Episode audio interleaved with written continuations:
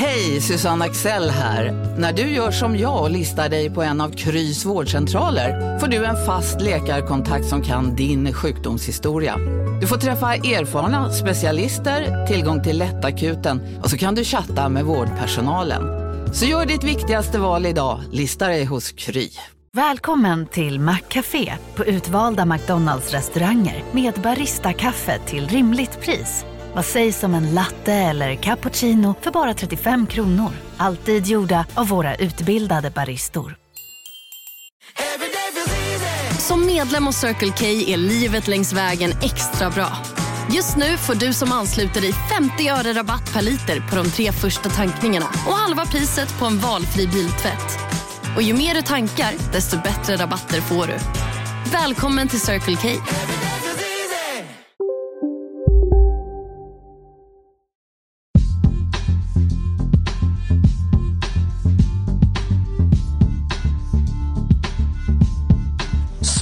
Storvarsel när Karolinska sjukhuset måste spara. Var tionde läkare och undersköterska försvinner. Eh, vi har agerat som sjukhusledning mot en person som har varit förtroendeskadlig i sin position som tidigare chef. Nu måste vi prata om volymer, annars kommer vi inte klara det här. Och det är därför vi säger att vi måste våga vara konkreta nu. Gå in i, i med ett fast volymmål som vissa partier har gjort nu inför de här eh, samtalen tror jag blir problematiskt och blir svårt att komma överens. Nu skrivs historia. Ett nytt Europa skapas. Efter 40 år är alla gränser och hinder borta för östtyskarna. Ja, välkomna till veckopanelen, vecka 45, år 2019. Karolinska Universitetssjukhuset blev dubbelt aktuellt i veckan, varslar 600 läkare och undersköterskor om uppsägning och fick svara på tuffa frågor i Uppdrag granskning om stämplingen av en överläkare som antisemit. Hur går det i de migrationspolitiska samtalen som än så länge alla riksdagspartier deltar i? Moderaterna knorrar betänkligt och Centerpartiet kastar in lite nya ingredienser i grytan. 30 år sedan, precis sedan den djupt symboliska Berlinmuren föll. Men samtidigt byggdes enorma förväntningar om hur demokrati och fred skulle spridas. Hur gick det med det bygget? Dessutom LO-basens slutdatum, Saboni och Arbetsförmedlingen och ommöbleringar i Sverigedemokraterna. Jag heter Staffan Dopping.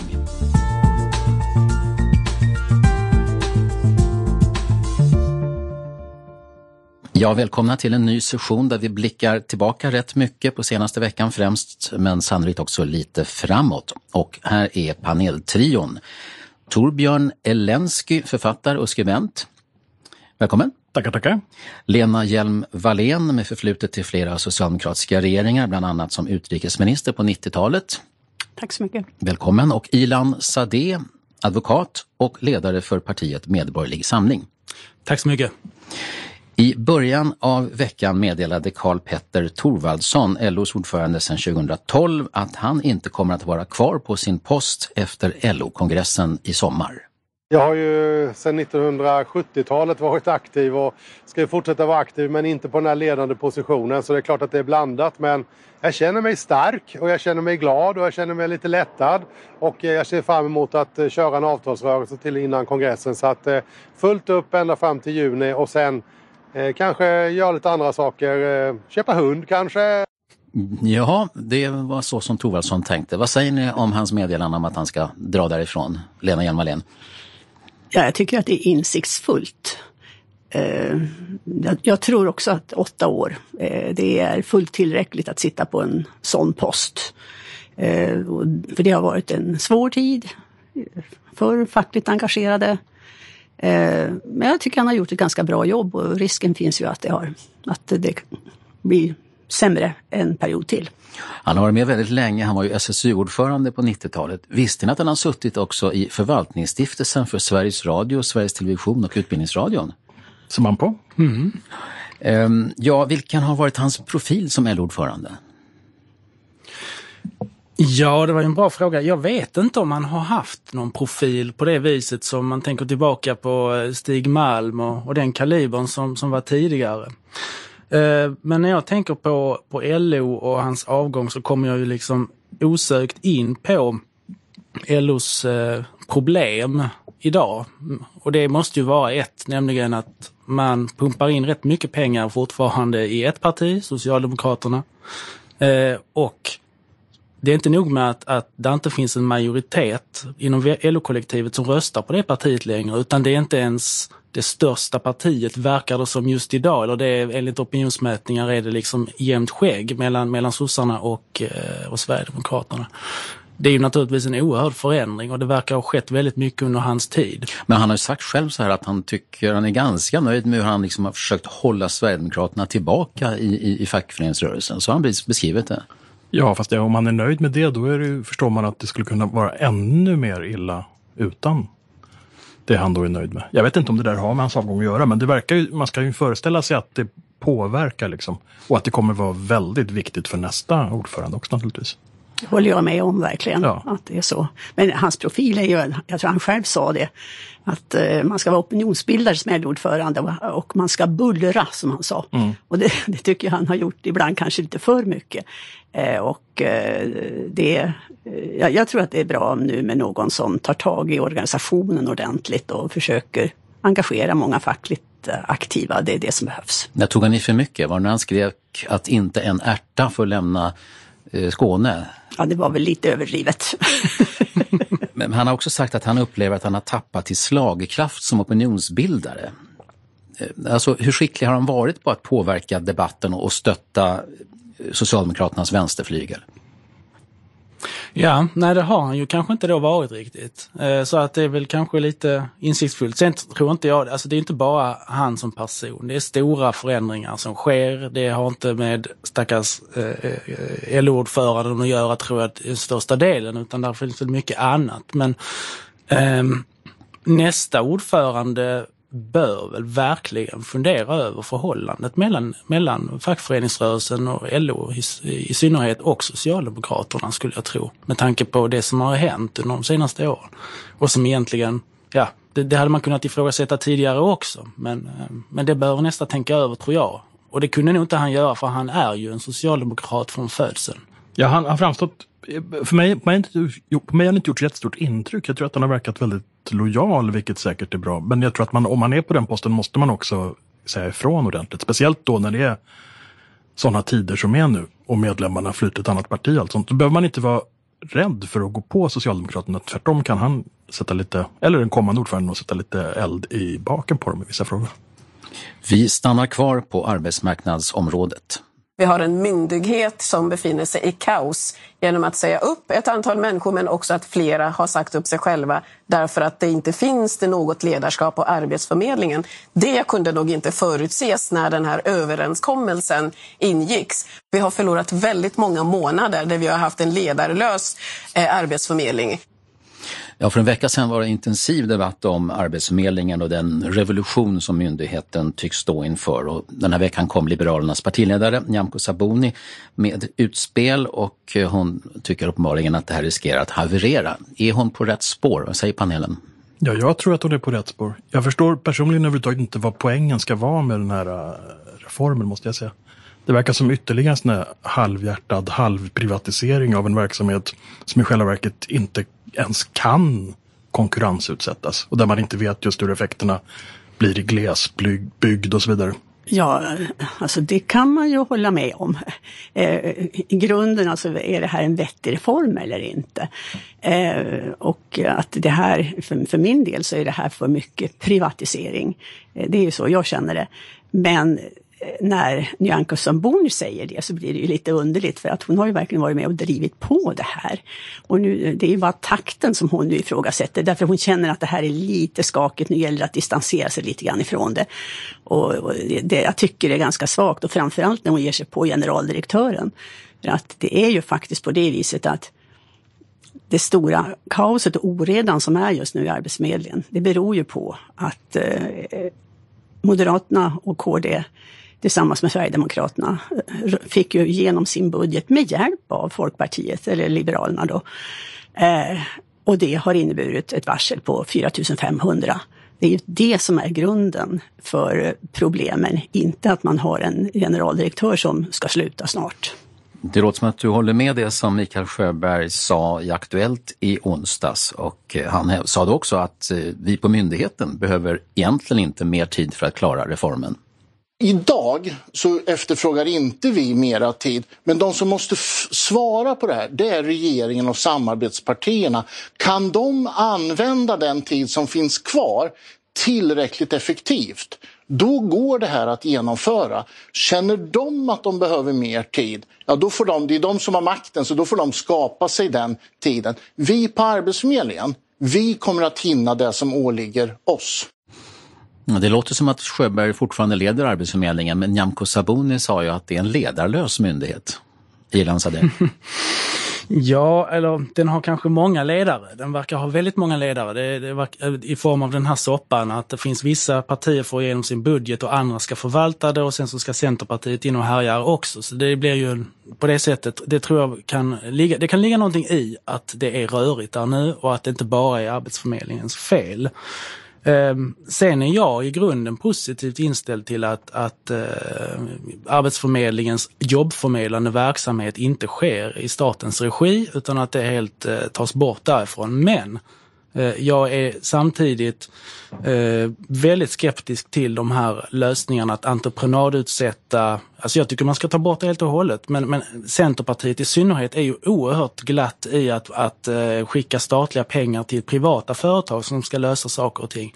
Och den konstruktionen, där då har man gjort så många naiva misstag tidigare. Alltså det, det, eh, man entreprenadutsätter, problemet är ju att i en sån konstruktion att kunden i det här sammanhanget, den jobbsökande, är inte den som betalar. Utan blir liksom, om kunden är missnöjd, den jobbsökande, inte att det inte fungerar, det kommer inte riktigt upp till ytan alltid utan staten måste försöka kontrollera det här. Sköter företaget sig? Hur ska man mäta det? Och så säger man att man har hittat någon trollformel för att det här ska gå. Man ska återrapportera eh, när man har fått, eh, när den här eh, jobbsökande verkligen är inne på arbetsmarknaden. Men hur ska det gå till? Det, finns, det öppnar upp för så mycket missbruk, har gjort tidigare, kommer säkert ske igen. Ideologen bakom den här nya marknadsinriktade metoden för att matcha jobb med arbetssökande är Centerpartiets arbetsmarknadspolitiska talesperson Martin Ådahl Förra veckan när det var otroligt intensivt snack om det här så var han rätt tyst. Men i veckan i Studio 1 så tog han bladet från munnen. Det är ju viktigt att vi får Eh, ordning på Arbetsförmedlingen. Under så väldigt många år så har väldigt få arbetslösa, bara var tjugonde egentligen arbetslös, fått en hjälp till jobb från Arbetsförmedlingen. Och väldigt få har haft förtroende för den, väldigt få arbetsgivare har använt sig av Arbetsförmedlingen. Så vi har hamnat under många år i en allt värre situation på Arbetsförmedlingen som måste vändas och då är det farligt att vänta allt för länge.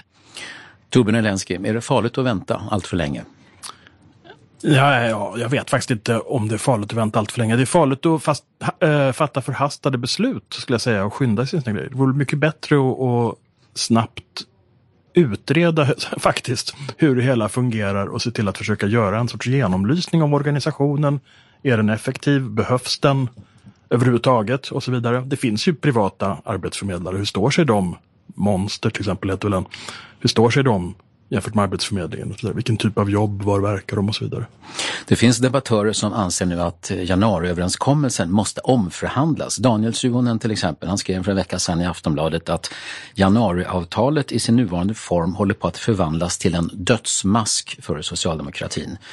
Eh, Suhonen, Suhonen handlar inte bara om det här med Arbetsförmedlingen då, men han vill använda statens ekonomiska överskott till välfärden och han vill inte att Socialdemokraterna som nu ska administrera en onödig välfärdsslakt. Givetvis är det livsfarligt för Socialdemokraterna att, att, att uh, styra en regering där de själva inte så att säga, kan bestämma och genomföra politik de inte står för. Ja, vad säger det, Lena om det här? Nej, det är ju ingen önskesituation. Absolut inte. Det var något av en underdrift. ja, ja, eh, men det var ju någonting annat man ville uppnå när man gjorde det här. Det har ju inte med de här delarna att göra. Eh, jag, jag tror Ja, än så länge så tycker jag ändå att det har varit värt priset. Men när man ser att saker och ting inte fungerar väl, som diskussionen nu om Arbetsförmedlingen. Och det, och det, jag vidhåller att skälet till att det är så kaotiskt som det är, det beror på budgeten som inte då var Socialdemokraternas utan de borgerligas. Eh, att, Beror det inte också på januariöverenskommelsen? Att, Ja, att, att alltså, det är som det är nu? Jag, jag menar nog, i den delen håller jag med Ådahl, att eh, en reformering av Arbetsförmedlingen, det behövs. Vi har ju redan idag en arbetsförmedling som dels är statlig men också att det finns, jag tror det är uppemot 60 procent förmedlas privat. Och, eh, det är möjligt att det där kan man rucka på på något sätt men, och den, den, den del som fortfarande är statlig behöver alltså röras om i, det tror jag. Men eh, om det här som man nu håller på med, om det är lösningen, det är jag mer osäker på. Jag tror att man kan, mycket av de pengarna som kommer att flyta ut till coacher och till förmedlare, privata förmedlare i ett sånt här system hade kunnat gå till fortbildning istället. För att det är liksom problemet på svensk arbetsmarknad är ju inte att en människa inte kan sätta sig vid en dator och, och leta reda på ett jobb, utan problemet är väl att, att det saknas kompetens och saknas utbildningsnivå hos många av de arbetslösa idag. Ja. Och då måste man satsa på det och inte satsa på en massa coacher och förmedlare som ska försöka göra någonting omöjligt och därmed börja fuska.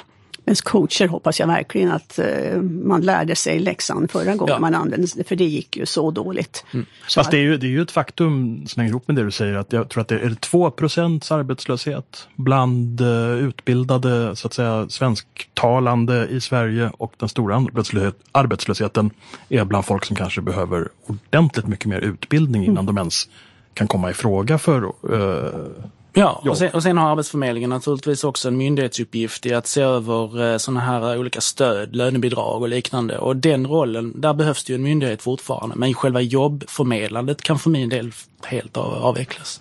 Vi går till Sveriges näst största parti i opinionen, Sverigedemokraterna, som laddar för sina landsdagar om två veckor i Örebro. Inför det görs vissa ommöbleringar, både i politikens innehåll och i personalen. Eh, SD har haft en relativt anonym vice partiordförande, Julia Kronlid. Den posten går nu istället till en coming man i partiet, Henrik Winge, som också är integrationspolitisk talesperson och gruppledare i riksdagen. Har den här förändringen eh, någon politisk betydelse, just den här personförändringen? Vad säger ni? Gud, jag har, jag har ingen koll på de där personerna riktigt. Det är skamligt. Fast jag har en känsla av att han har väl varit ansvarig för utrensning av eh mera extrema typer och kallade rasister i partiet för idioter och sånt där för några år sedan. Och sånt där. Så att de vill väl ha någon som är... Han och så är han jurist också, eller hur? Uh, han vill ha koll, de vill ha någon som har koll på läget. Han har varit presschef också, presschef, så att han, han varit synlig på det viset då, innan han fått de här tyngre posterna. Vad säger Ilan Sadeh? Mm. Ja, det kan vara svårt att, att, gå in och recensera ett annat partis inre liv så, men, men eh, jag tror mycket väl att det handlar om att, att flytta upp eh, honom till en position som kan, kan kanske leda till något ännu mer i framtiden. Man får väl se. Men mitt intryck är att det, han tillhör ju den vettiga falangen och liksom eh, eh den mer moderata falangen och ja, verkar allmänt, allmänt vettig person, som person. Så att det, det är det intrycket jag har i alla fall. Har Lena Hjelm-Wallén någon, någon åsikt om Nej, jag har, jag har, inget intryck alls av honom. Jag känner, jag känner, inte till honom alls måste jag säga. Jag bara noterar det att de plockar nu bort en kvinna och sätter dit en man i ledarskapet av eh, partiet. Och jag trodde de var på väg åt ett annat håll, att de skulle liksom försöka mera eh, ha kvinnor i ledande positioner. Men vi vet sedan tidigare att eh, Sverigedemokraterna har lagt sina förslag om skärpt abortlag på hyllan. Och nu precis så vet vi också att den här frasen om människors nedärvda essens som har funnits i principprogrammet, den kommer att tas bort. Eh, vad, vad, hur viktigt är det där? Ja, det, det har blivit omtvistat vad det betyder egentligen och eh, de kanske inte riktigt har haft de lättaste, eller haft så lätt att svara på det heller alla gånger. Så att, eh, men, men jag tycker det pekar ju i, den här, i samma riktning. Att här sker en, en ytterligare en moderering och att en, en eh, anpassning för att eh, kanske då kunna fortsätta. Alltså samma strategi som man har haft de senaste åren fortsätter och man försöker då eh, göra det till ett mer moderat, ska säga, salongsfähigt parti. Mm. Torbjörn, är det här främst en fasadjustering för att bli lite mer smakliga för, för andra partier? Eller har man helt enkelt tröttnat på riktigt på några av sina egna gamla ståndpunkter? Ja, det kan väl vara både och. Alltså, det börjar ju bli ett ganska stort parti nu. Även medlemmarna i partiet blir väl fler och fler så att säga. Eh, tidigare var det ju så att säga en enkelriktad gata att bli sverigedemokrat, eller hur? Det var slut på alla andra karriärmöjligheter om man hade någon utbildning i alla fall. Men nu har jag en känsla av att det, de är på väg att, att normaliseras så att säga, på flera sätt. Och sen vad som är yta och vad som är djup, det är lite svårt att veta i politiken överhuvudtaget nu för tiden när alla partier ägnar sig åt triangulering och såna här saker. Liksom. Den här helgen så har ju Kristdemokraterna eh, riksting och det kan hända att vi kommer att följa upp det i nästa veckopanel. Nu tar vi oss till landets dyraste sjukhus.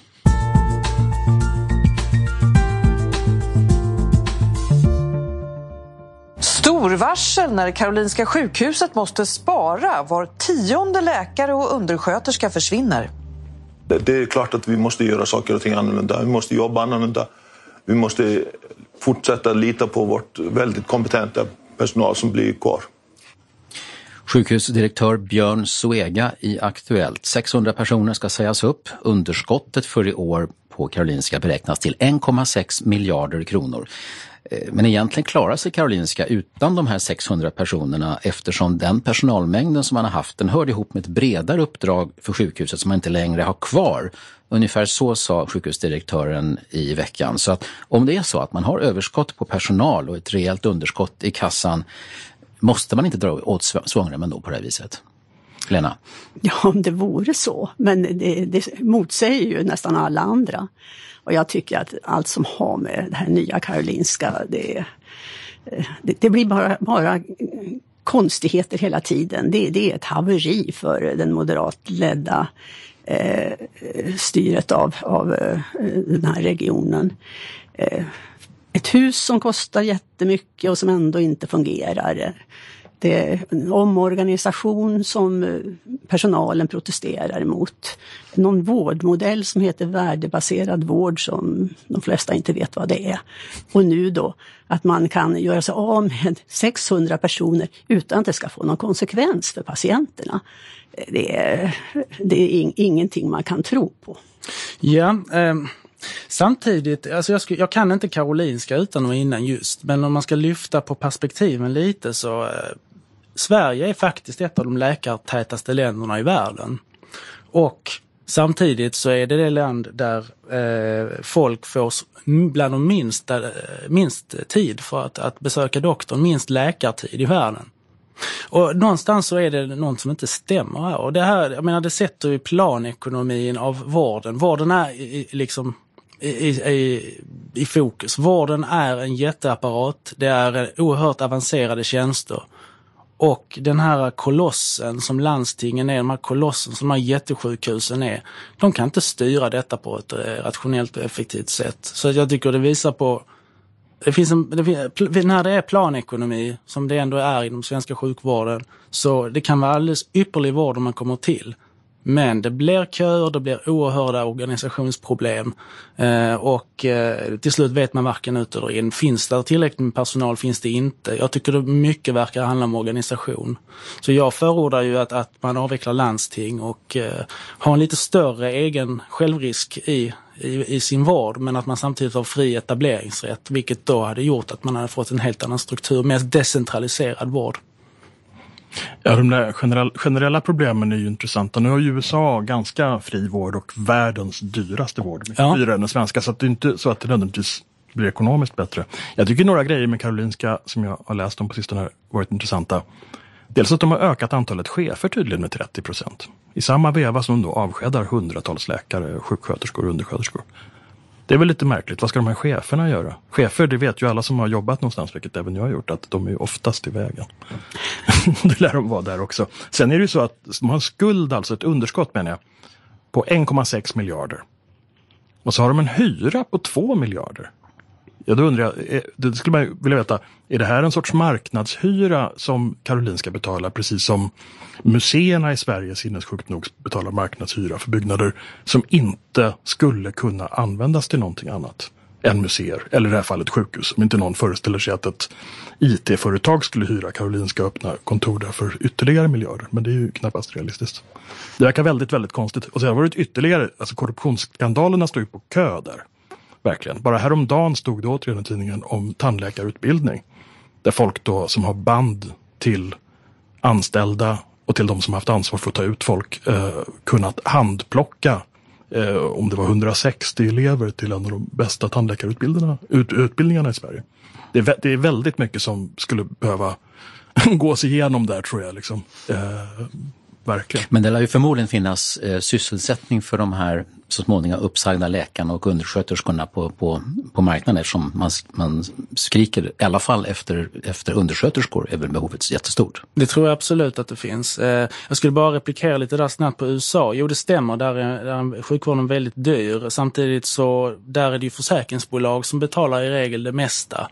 Så att det är ju samma problematik egentligen här som när vi pratade om förra ämnet, Arbetsförmedlingen, att någon annan betalar Eh, det gör att, det blir, att kostnaderna snabbt skenar. Så att om man har en liten egen egeninsats i det hela så, eh, så kan det moderera det hela. Fast med tanke, okej okay, vi kanske inte ska gå in på det, men med tanke på hur dyrt det är med avancerad vård, de här till exempel får cancer mm. eller måste göra en transplantation eller något sånt där så finns det ju knappast, det är väldigt få som har råd att därför behövs, betala det själva. Därför behövs det ett, ett, ett, tak som är ganska lågt för den här egeninsatsen. Eh, absolut. Ja, då blir det i alla fall inte, försäkringsbolagen. Absolut, och ja, staten behöver ha ett ansvar i detta.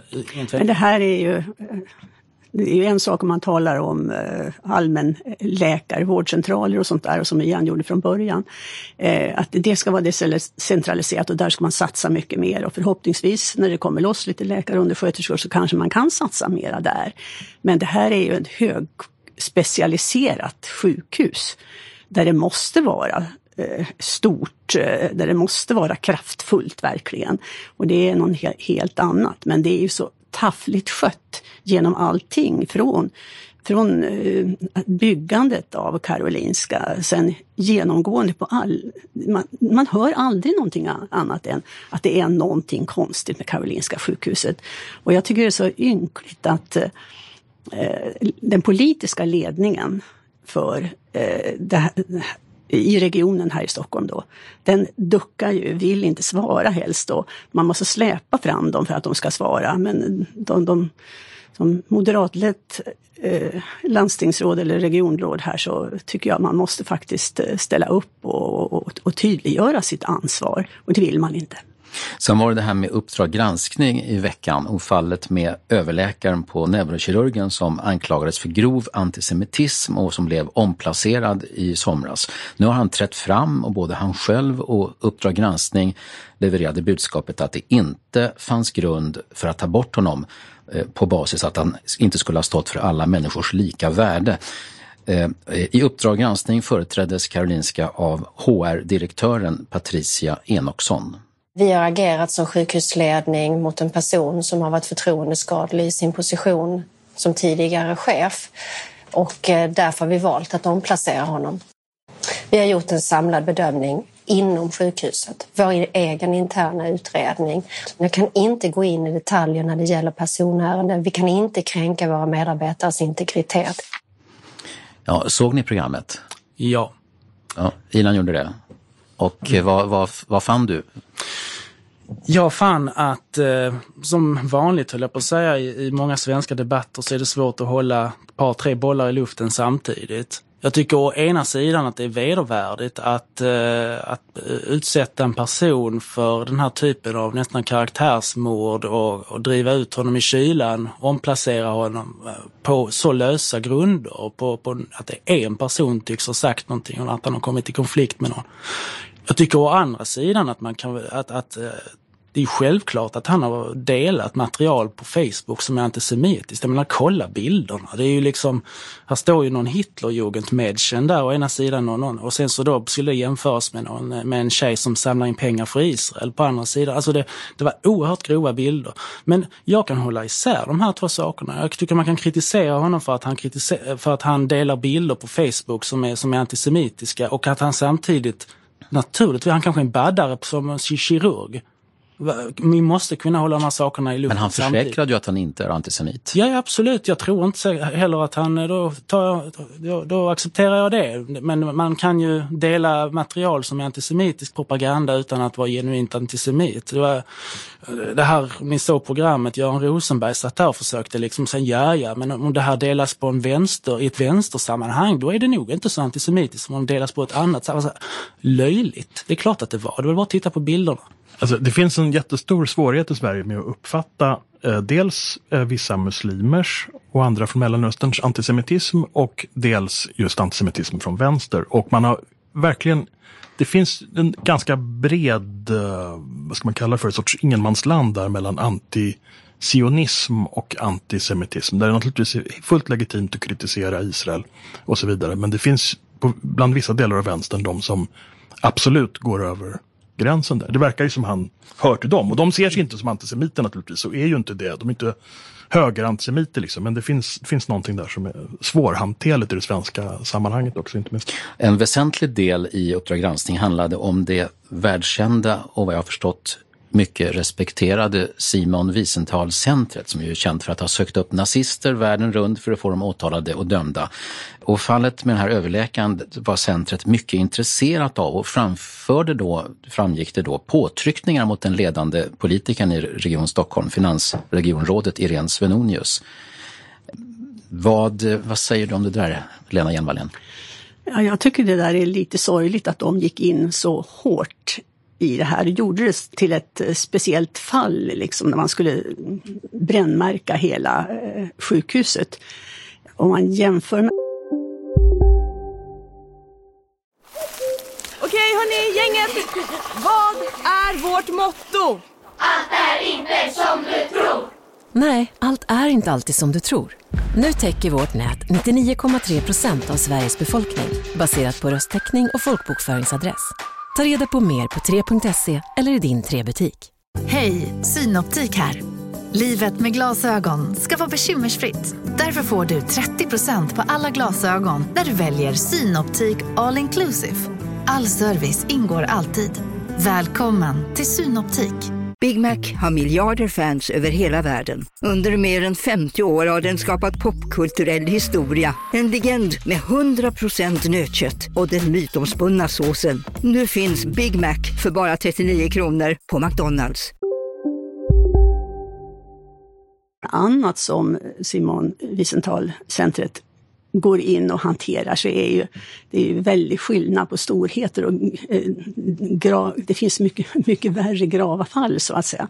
Och, och, jag tycker att det här centret är så viktigt så de skulle vara lite försiktiga med sitt rykte och verkligen ha rejält på fötterna när man tar till storsläggan som man har gjort här. De hävdar att det här var tillhörde det grövsta i världen av antisemitism eh, detta året.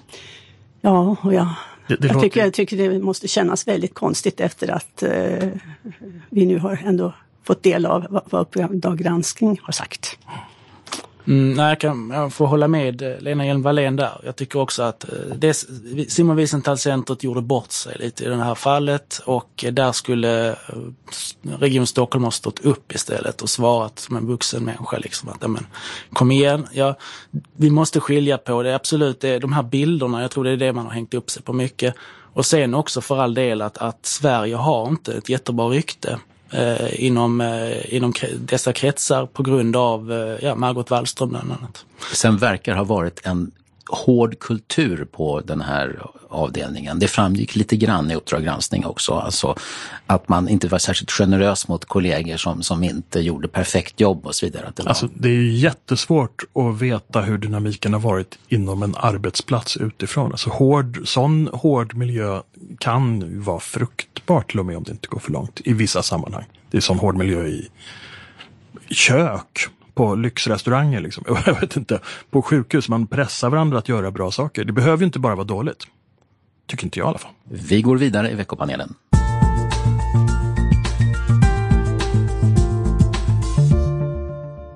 Vi vill ju ställa om migrationspolitiken så att fler kommer hit på lagliga vägar istället för osäkra vägar. Det är bättre både för individen och för mottagandet. Jag tycker det är dags att vi liksom, tillsammans med de här förändringarna som kommer, att vi också lägger fram en amnesti, låter människor komma fram och vila och andas ut.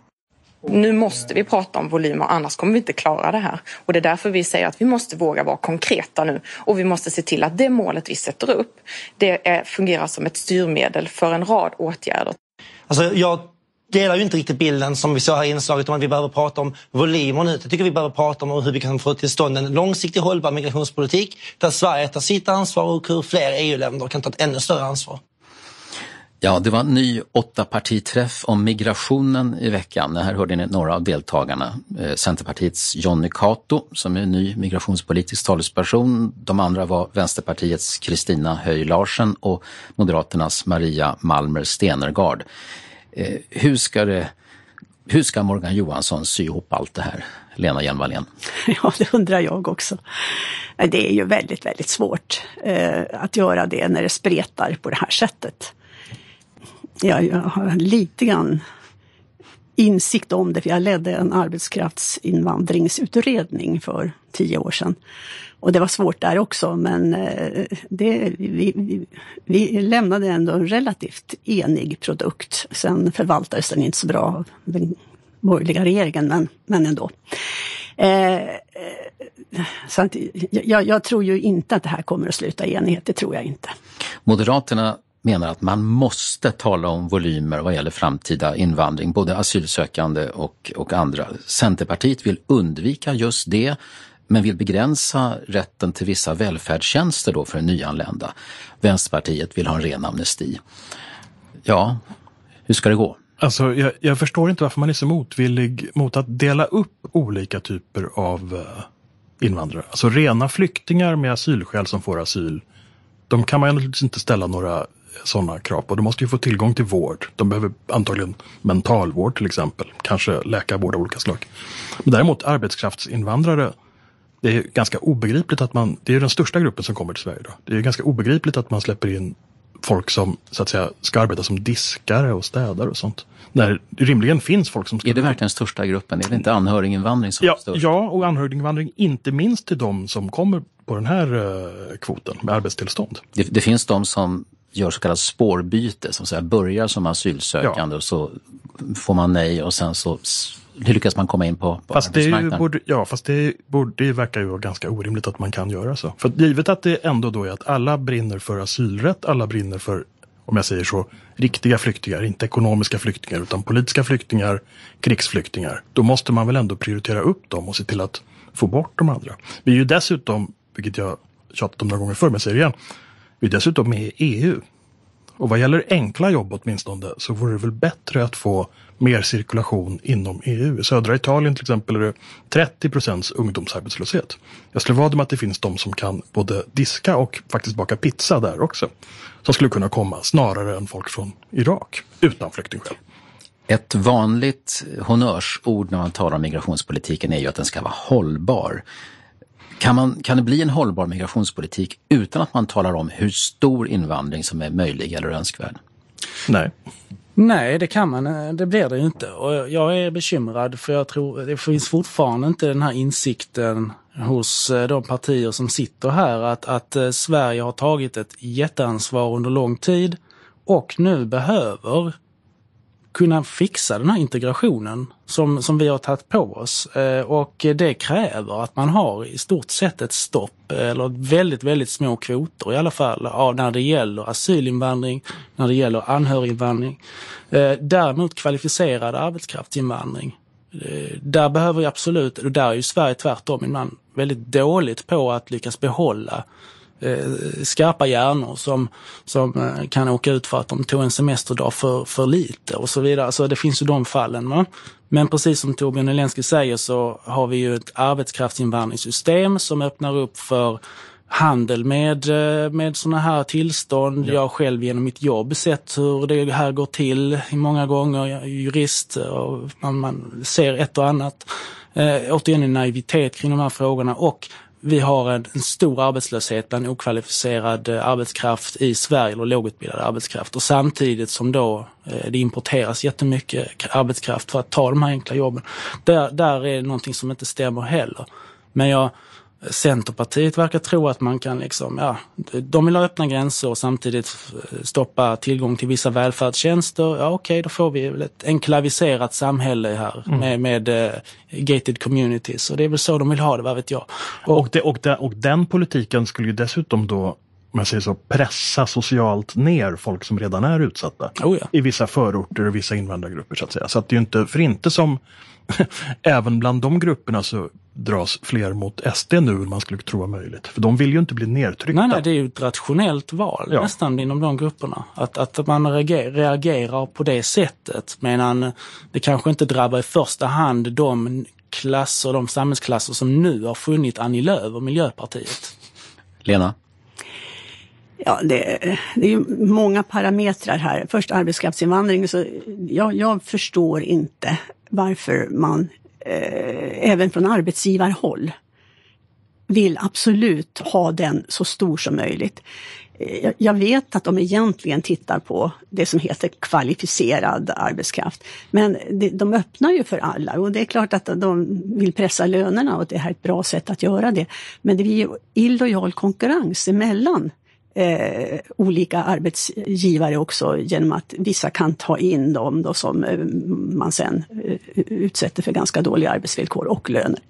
Och sen dessutom, du tar, Torbjörn talade om spårbyte på ett sätt. Eh, men det är ju ett vanligt sätt att ta sig in nu. och Det är ju att komma in med ett eh, arbetsvisum.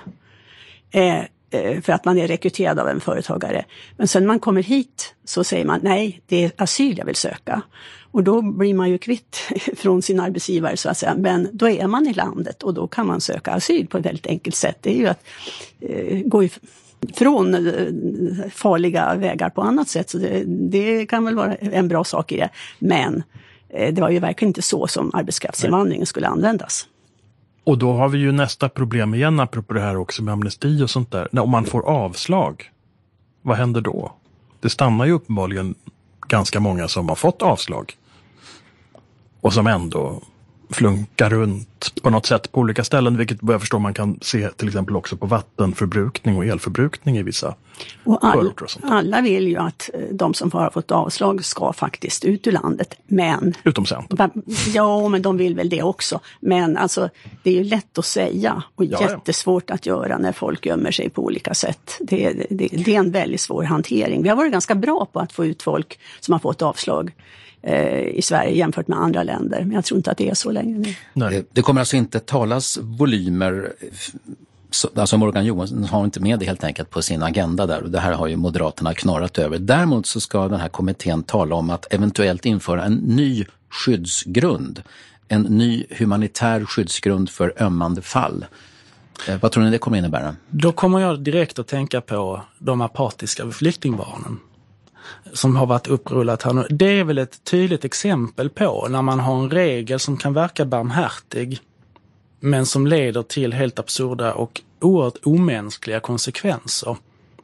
Eh, jag tror det var Maciej Zaremba som skrev om det i DN för ett antal år sedan. Men han skrev rätt klokt att ibland så kan fyrkantiga regler faktiskt vara det mest humana. Att man, har, man ser människor, sina, de som söker asyl som vuxna människor, inte som någon slags ömmande fall, någon slags som offer, utan man, man, det här är vad som gäller och man behandlar folk med respekt, med värdighet, men också att regler måste följas. När, inte att man har regler som innebär att den som blir tillverk, tillräckligt eh, nedgången, ömkansvärd på ett eller annat sätt, därefter får någon form av amnesti. Det är livsfarligt. Ja. Och nu vill man införa det här igen. Fullständigt galet. Det är, ju, det är ju dessutom inte så mycket en regel som en sorts buzzword av något slag. Det betyder ju inte så mycket. Jag menar, vad, vad är ett ömmande fall? Alla tycker att de de känner är ömmande fall naturligtvis. Och sen kan det ju variera. Någon kan, ett ömmande fall kan vara att någon har gömt sig i sex år och då kan den inte komma ut. Då är den anpassat sig. okej då är det ett ömmande fall. Ett annat fall kan vara att någon är väldigt sjuk och så vidare. och så vidare. Det finns ju alla möjliga, det är alldeles för stor tolkningsmån i det skulle jag vilja påstå. Det funkar inte som regel helt enkelt. Det, det är klart att det är stora svårigheter med, med eh, att eh, ha en, en så öppen paragraf, det är det. Men å andra sidan så är det också så att den väldigt kraftiga fyrkantigheten här, det gör ju det att många människor blir ju väldigt upprörda. För att eh, det är ju inte bara så enkelt att antingen har du tydligt asylskäl eller också, eh, och får stanna eller också ska du ut. Utan det finns ju ibland, just med, med, med sjukdom och, och, och relation kanske till, till släktingar och så här som gör att eh, det, man kan behöva göra något ytterligare. Och så när det är domstolar som ska hantera det så tycker jag det är det är mindre problematiskt än som det tidigare var. När jag var med i regeringen, då var det ju regeringen som skulle handlägga det här eh, skyddsbehövande i övrigt. Och då, blir det ju, då blir det ju politiska bedömningar och det är ju inte bra. Hade varit ska... kul att ha en, en gömd mikrofon inne på regeringens sammanträde och höra hur de där snacken gick. ja, det, det pratades inte så mycket om för det var ju, det, det blir ju så. Det, det, det klubbades bara menar du? Ja, man gick inte igenom fall för fall utan det sköts ju och bereds ju i det departement som har att hantera det. Migrationskommittén lär i alla fall bli en långkörare. Nu går vi tillbaka i tiden, eh, först eh, 56 år och sen 30.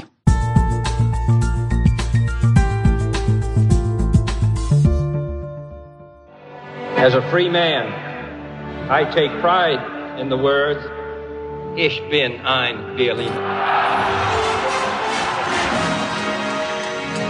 Nu skrivs historia. Ett nytt Europa skapas. Efter 40 år är alla gränser och hinder borta för östtyskarna. De kan permanent resa till Västtyskland och Berlinmuren ska rivas på 18 platser meddelas ikväll.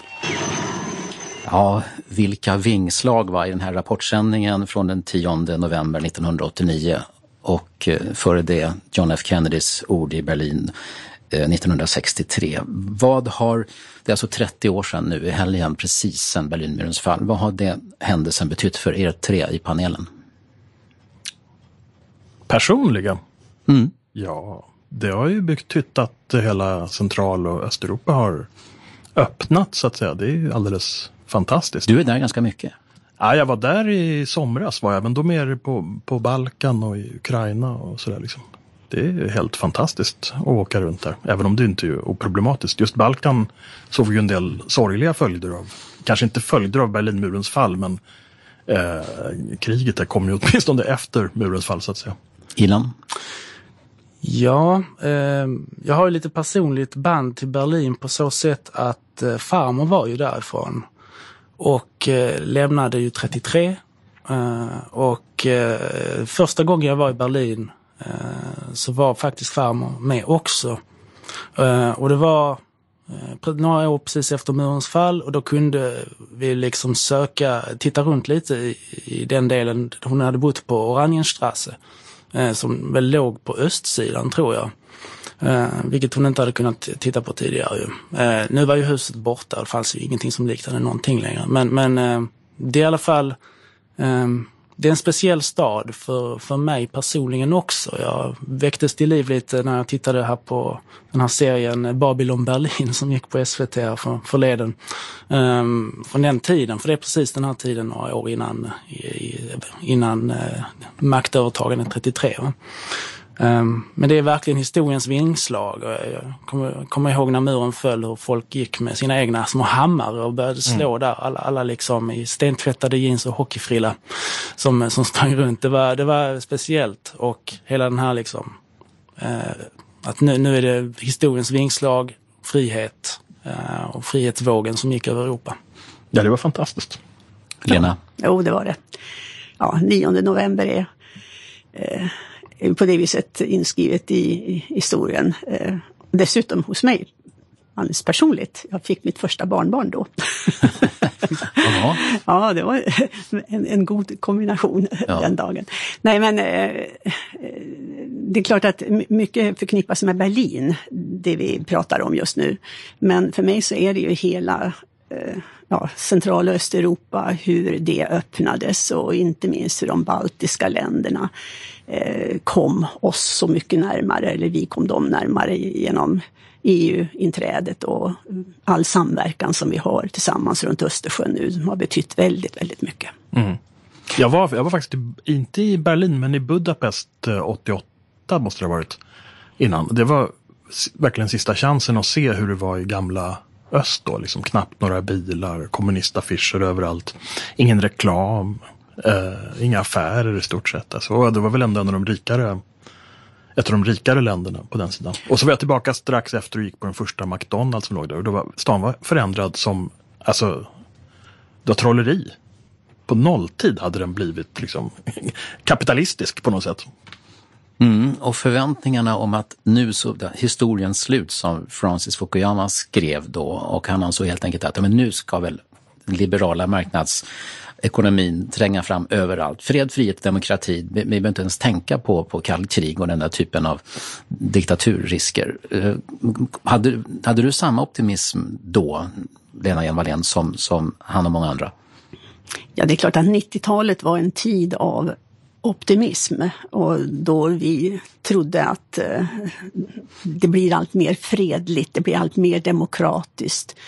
EU som institution var någonting som eh, länder på andra kontinenter ville efterlikna och göra som, som vi. Alltså det, det, det var en framåtanda som eh, skiljer sig väldigt mycket från Vi hade just fått ficktelefoner också då, mm. 88, 89. Väldigt backlash vi känner idag. Det känner jag. Men, men backlashen hänger nog ihop med det där också, vill jag påstå. För att det fanns en sorts hos Fukuyama bland annat, men även andra, det fanns en sorts liberal hybris i det här, där man tänkte att nu kommer allting bara nästan av sig själv att lägga sig till rätta. Kina kommer bli demokratiskt bara de får bättre ekonomi och de andra länderna kommer följa efter. Alla kommer vilja, vilja ha det så här västerländskt. När Sovjet föll ihop så var det nästan som en bekräftelse. Vad var det vi sa? Absolut, absolut. Och sen visar det sig att i själva verket så blir det problem. Kriget på Balkan, de här, eh, alltså en stor del av privatiseringarna i öst var ju rena piratverksamheten har jag en känsla av som i själva verket folk såg med stor misstänksamhet på redan då. Jag minns jag kände en tjej från Östtyskland som, som berättade att jag är den gamla kommunistbossen i min hemby. Det är han som kör Mercedes och äger fabriken. Liksom. Så mm. Det var väldigt mycket där som, som uh, inte riktigt var som man sa att det var eller trodde att det var här. Men i Sverige var det ju party hela 90-talet i alla fall för mm. mig. Jag skulle säga att, att, paradoxen är väl att det var ju egentligen en ganska krigisk tid i världen med fruktansvärda eh, krig på många håll. Vi, det är betydligt bättre idag än det var 1990, ja, 2, 93, för att tala om 94 med Rwanda och alltså här mm. fruktansvärda. Eh, men samtidigt fanns det kanske då en starkare optimism i, i länder, så, i, ja, i stort sett alla länder som inte var drabbade av de, de krigen i alla fall. Men eh, pendeln svänger väl och det blir en backlash. Det är som eh, Torbjörn sa, det är ganska naturligt. Eh, och de nya central och östeuropeiska eh, eller nydemokratiserade eh, länderna, det visar sig att sen att ja men, men de vill ju vara kanske då självständiga nationer snarare än att de ser EU kanske som en, ett hot mot det också. Mm. Och agerar och röstar kanske då på ett sätt som många inte tycker att i väst eh, inte riktigt förstår sig på. Um, och sen har ju även då naturligtvis migrationsfrågorna som har blivit allt starkare också gjort att folk har börjat titta mer liksom inåt och gränser och sådär. Men det, det är ju helt enkelt en anpassning efter en ny verklighet. Det skulle ju vara, eller pågår kanske, jag har faktiskt inte koll på det, förhandlingar med Nordmakedonien och Albanien om att bli EU-medlemmar nu. Jag vet att just i somras var jag också i Tirana av alla städer. Mm. Pratade med en bartender där, de är ju så kloka och vet mycket om världen. Uh, och han sa att han ville absolut inte att Albanien skulle bli med i EU. Av den enkla anledningen att uh, han sa att kolla på Bulgarien och Rumänien. Alla deras ungdomar flyttar därifrån. De flyttar till Tyskland och England och ja, mm, det dit de kan flytta. Ja, och det är ju inte bra Nej. för länderna heller. Och det är ju väl någonting som dessutom då enligt vissa bidrar till eh, att vad vi kallar populistiska partier når sina framgångar där. Liksom. Men inte bara det. Inte det, bara det. det, det, det, är men, men, det är en av flera, alltså fri rörlighet är mm. fantastiskt och sådär men, men ja, det inte funkar men, inte bara. Vad jag, vad jag tror eh, ligger väldigt mycket bakom den här backlashen det är det att eh, de som liksom la fram receptet och visade hur allting skulle vara, den liberala demokratin och så, eh, har för lite tålamod. Alltså man måste förstå att har man levt i ett system så länge som man gjorde bakom järnridån så tar det lång tid att komma ur det. Och när vi tror att liksom med några knäpp bara med fingrarna så ska det fixa sig, det, eh, det tar mycket längre tid eh, det, det, det, är lätt att fixa reformer, höja barnbidrag eller dra vägar eller, eller såna här saker. Men alltså att ändra människor, hur man känner inombords, det tar mycket längre tid. Ja, man glömmer ju att, att östra Europa egentligen alltså som självständiga nationalstater, alltså även före järnridån, det var några, några få årtionden. Mm. Alltså det har varit imperier som mm. har styrt där eh, innan, innan dess i århundraden, genom århundradena. Medan Västeuropa har ju haft någon form av nationalstater under åtskilliga hundra år. Så vi glömmer ju att, att det, man har inte haft den här konsolideringen heller under någon särskilt lång tid och det är kanske rätt typiskt att det är under sådana förhållanden så blir detta med nation och vår självständighet sådär extra viktigt. Eh, och man känner sig kanske hotad trots att vi tycker att, men snälla någon, ni har ju tagit emot några hundra liksom, muslimer eller vad det nu är i Polen. Kom igen. Men, men eh, det, det finns en det finns en annan eh, historia här som gör att, som kan vara en förklaring, kanske inte en ursäkt, men i alla fall en förklaring till att, att eh, man ser lite olika på saker och ting. Polen, mm. Polen har väl också tagit vad är det, någon miljon tror jag från Ukraina. Mm, just det. Jag vet när jag åkte i somras just från Ukraina in i Ungern med tåg, eh, då var det med, påtagligt att det fanns med ukrainare där som skulle ner och gästarbeta eller vad man nu kallar det för nu för tiden, i Ungern. Så att det verkar som att folk flyttar sig liksom alla rör sig västerut liksom, i mm. det här området. Eh, Fukuyama då, som, som skrev om historiens slut och som fick fel. Han var intervjuad i Dagens Nyheter nu i veckan. Eh, och eh, han verkar då lite besviken på befolkningarna i Östeuropa då, som inte gjorde som han, som han trodde. Eh, lite otacksamma historielösa, säger han. Och så menar han också att gräsrötterna visade sig vara mycket mer konservativa än vi hade trott. Nu kommer han med en ny bok som heter Identity istället, den är Fukuyama, så att han ger inte upp. Trendigt. ja, men det är ju han som, tycker jag, han saknar insikt om det där med tålamod alltså. Att, och att det tar lång tid att förändra människor. Och då är det ändå ironiskt nog så att han är hegelian. Och hela hans idé om historieslut är en sorts hegeliansk idé. Uh, helt enkelt. Förtjänar han att vara en sån, sån auktoritet som han har varit? Nej. Ja, det tycker jag. Alltså, man måste ju inte ha rätt för att, ha, för att kunna bidra på ett fruktbart sätt. Det kan till och med vara intressantare att ha fel på ett fruktbart sätt. Och han är ju onekligen, han är ju fortfarande en av de mest diskuterade och mest uh, en som har stimulerat mest till diskussion av olika slag. För det är ju, för det är ju, det är ju de facto så, eh, har jag förstått, att ganska många, inte minst då liberaler, tror ju på fullast allvar att ja, historien går i vår riktning. Det kommer att bli frihet och demokrati och liberalism överallt, liksom av sig själv. Och det är ju en sorts Hegelsk, marxistisk om man så vill, det, som lever hos dem.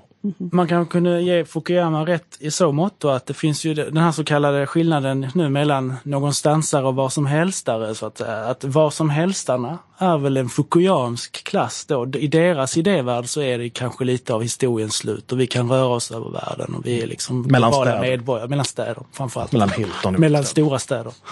Ja. Rätt områden i stora städer. Nej men, men det, det, så att det, på det viset så Medan det fanns en massa jobbiga någonstans som satte stopp för, för festen. Så kan det ha varit. Eh, då är vi framme vid eh, avrundningen i veckopanelen, det vill säga veckans ord alternativt person. Varsågod. Ja, jag, har, jag hoppar på direkt. Jag har ett eh, som jag lade märke till igår, även diskuterade med en kompis igår. Och det är faktiskt hållbarhet helt enkelt. För när ett ord börjar dyka upp i där bostadsannonser, i reklam för företag, i politiska tal och allting på samma sätt. Så efter ett tag så får jag en känsla av att jag förstår allt mindre vad det betyder. Vilka sammanhang det är relevant i. Eh, och, som sagt vad, vad, vad det kan innebära. Liksom. Hållbarhet för vad, för vem, hur, hur länge och varför och så vidare. Så därför tycker jag att det här är inte bara veckans utan årets ord kanske. Det det kanske kan hålla i decennier. ja, kanske till och med Hållbart. Ett ord med hållbarhet. ja, eh, mitt veckans ord är hjärndöd. Och då tänker jag faktiskt inte på Skolverket eller något liknande om den som trodde det.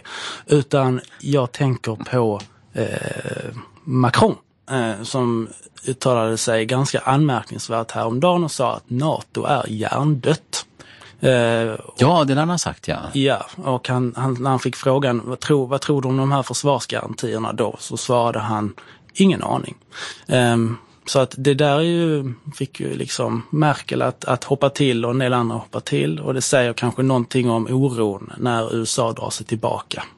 Mm. Och vad Europa ska göra nu, att Europa måste ta eh, säkerhetspolitiken kanske på ett större allvar och med eget ledarskap på något sätt. Kan det finnas någonting klokt i att eh, Macron skickar ut de här orden eller har han gjort ont värre? Jag tror inte det var fel att han sa det på det sättet faktiskt. Sen har han kanske andra bevekelsegrunder. Han är ju väldigt glad i att EU ska bli mer eller mindre en superstat. Eh, och det tror jag inte alls är rätt väg att gå. Men inom säkerhetspolitiken så måste Europa ta ett större gemensamt ansvar. Titta bara på Mellanöstern och Turkiet och hela den här historien. Vi kan inte bara sitta och vänta på amerikanerna. Ja, det är intressant. Det hjärndöda NATO är intressant.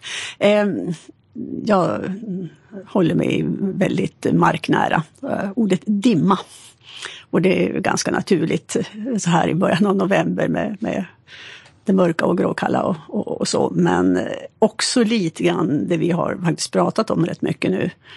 Eh, det här eh, grådaskiga politiska tillståndet både i vårt land och, och, generellt i Europa och ute i världen. Alltså vad är vi egentligen på väg någonstans? När så många bara ser gråhet, eh, ser väldigt lite av ljusglimtar och då färgglatt och något positivt och man, man liksom nöjer sig med detta gråa.